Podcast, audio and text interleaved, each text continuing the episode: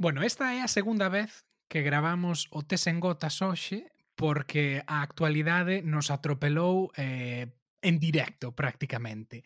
Mm. Porque a nosa idea inicialmente pois era falar desta deste proxecto da Superliga de Fútbol Europea e de como no Reino Unido pois estaba a darse a maior oposición ou polo menos moita máis oposición a nivel popular, a nivel político, a nivel de referentes do fútbol en comparación con España, onde parecía que había un consenso total e absoluto de que a idea era maravillosa. Pero mentres gravábamos, pois aí unha prensa que moi probablemente semella que Chelsea e Manchester City, pois que eran dous dos clubes británicos que facían parte desta desta Superliga, parece que se van sair do plan E bueno, iso indica que non íamos tan desencamiñados na claro. tese, non? De que a claro. estaba no Reino Unido porque parece que o proxecto está facendo augas aquí en, en Inglaterra. Pero a ver, para quen estiverades eh, totalmente fora da actualidade estes días. Imos explicar moi brevemente que é iso da Superliga. Duarte, contanos en que consiste. Bueno, ou en que consistía? Eu non sei se cando escoitades isto seguirá existindo como, como, pro, como proxecto, pero como diste claramente, isto que demostra é a nosa capacidade de lectura da situación, que xa non o víamos moi claro tendo en conta como estaba racionando a xente aquí. Pero a ver, como diste, para resumir, no caso de que estiveras vivindo debaixo dunha pedra ou que non esteas moi interesado no fútbol, eh, e que é ou era isto da Superliga? Pois era un proxecto de competición liderado pois fundamentalmente como se está vendo pois, por Florentino eh, Pérez e polo Real Madrid para crear unha competición pechada con 12 dos clubes máis importantes de Europa. Pois iso incluía o Barcelona, o Atlético de Madrid, aquí no caso de, de Inglaterra incluía o Arsenal, o Tottenham, o Liverpool, o Manchester United, o, Marche, o Manchester City e máis, e máis o Chelsea. E, e claro, esta liga pois permitiría ter uns ingresos millonarios a través da venda de dereitos televisivos, estaría financiada por eh, polo banco JP Morgan e eh, eh non poderían descender. Sería unha competición completamente pechada na que só xogarían eles e algún equipo convidado a maiores cada ano, pero este grupo de 12 fundadores eh, non podería Habería, habería outros tres en principio que, que terían que unirse de, de xeito que ao final houbera un grupo de 15 fixos, non? Sí. Ou polo menos esa sí. sería a, era o plan inicial. Sí, sí, sí, sí, certo que porque claro, houve xente que tamén que lles dixo que non, Eh, pois claro. o, PSG, o PSG dixolles que non, o Bayern de Múnich eh, tres cuartos do mesmo, entón pois igual non era todos os equipos que tiñan que tiñan pensado inicialmente. Pero bueno, agora si parece que o Chelsea se bota atrás e que o Manchester City vai polo mesmo camiño, isto eh, parece que non vai que non vai durar moito, pero a nós que nos interesa disto son as reaccións.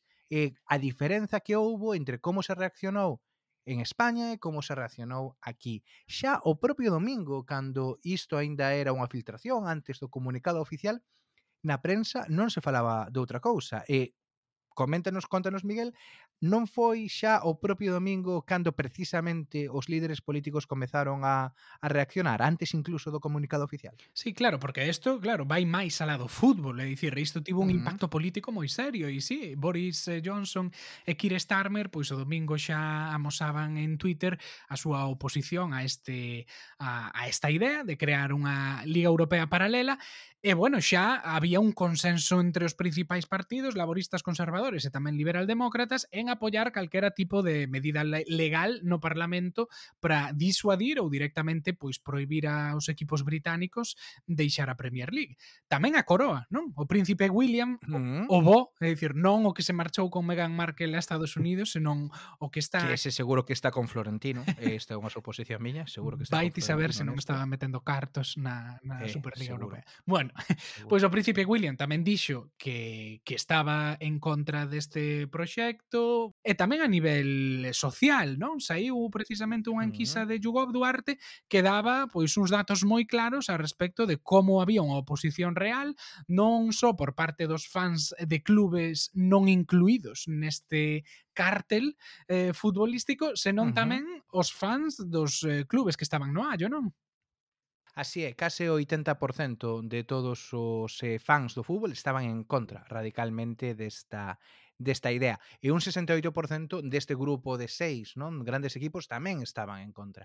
E non é só que non lles guste a idea da Superliga porque vai en contra, digamos, dos valores e dos principios do que aquí se entende pois, como bueno, dos valores do fútbol, porque non se pode descender, porque é menos competitivo, porque non lle dá oportunidade aos pequenos de, mm, de xogar ou de disputarlles aos grandes, pero que ademais estaban dispostos a asumir medidas e sancións que fosen en contra dos seus clubes. Eh, incluso medidas bastante extremas, un 55% eh, perdón, un 51% da totalidade dos eh, fans do fútbol estaría disposto a que se expulsase a estes seis equipos do, da Premier League. E incluso, se eres un fan deste, deste equipo, vale, a cifra un pouco máis baixa, porque, bueno, non che fai moita gracia que voten o teu equipo, pero falamos un 44% en calquera caso. É dicir que mesmo nas bases destes equipos, do Liverpool, do Manchester United, do Chelsea, etc., había moita oposición. E é máis, no caso do Chelsea, agora que Pois eso, hai cuestión de media hora se descubrimos esta noticia de que o Chelsea se vai a, se vai Ajá. votar fora.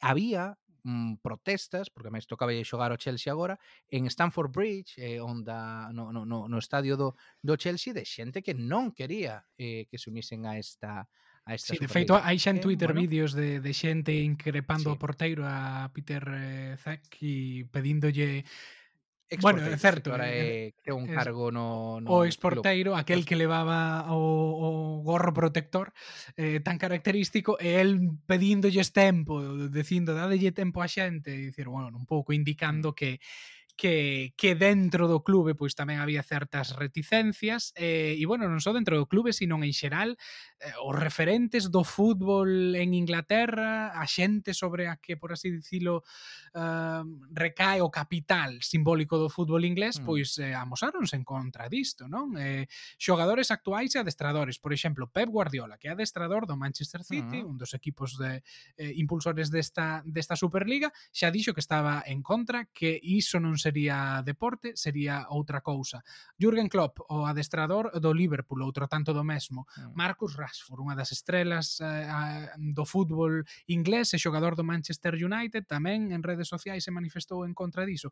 E outros históricos mm. do fútbol inglés, como David Beckham ou como Gary Lineker, que pois é un comentarista de fútbol aquí na televisión británica moi coñecido. Todo o mundo estaba eh, manifestándose públicamente, Gary Lineker especialmente en redes sociais leva dous días eh, dando a tabarra con este tema e criticando a, a decisión de crear esta Superliga, pois todos estaban en contra, non? Entón semella que, que realmente sí que foi un proxecto eh, un pouco creado desde arriba, non? Polos presidentes e as direccións uh -huh. dos clubes, pero que non se consensuou nin co goberno, nin cos fans, nin con moita xente mm, que son referentes do fútbol e que poderían ter unha certa autoridade, non? Porque eu creo que Eh, eh, un dos problemas eh, é que quen tomou esta decisión non se ve como alguén um, respetable, non? Por parte dos eh, mm. amantes do fútbol en Inglaterra ou polo menos alguén con autoridade, non? Porque son grandes claro. millonarios, eh, fondos de investimento en moitos casos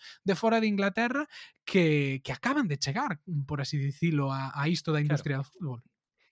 Claro, faltalle ese compromiso eh, ou ese simbolismo que xente como Gary Lineker ou como Marcus Rashford poden ter diante diante dos fans.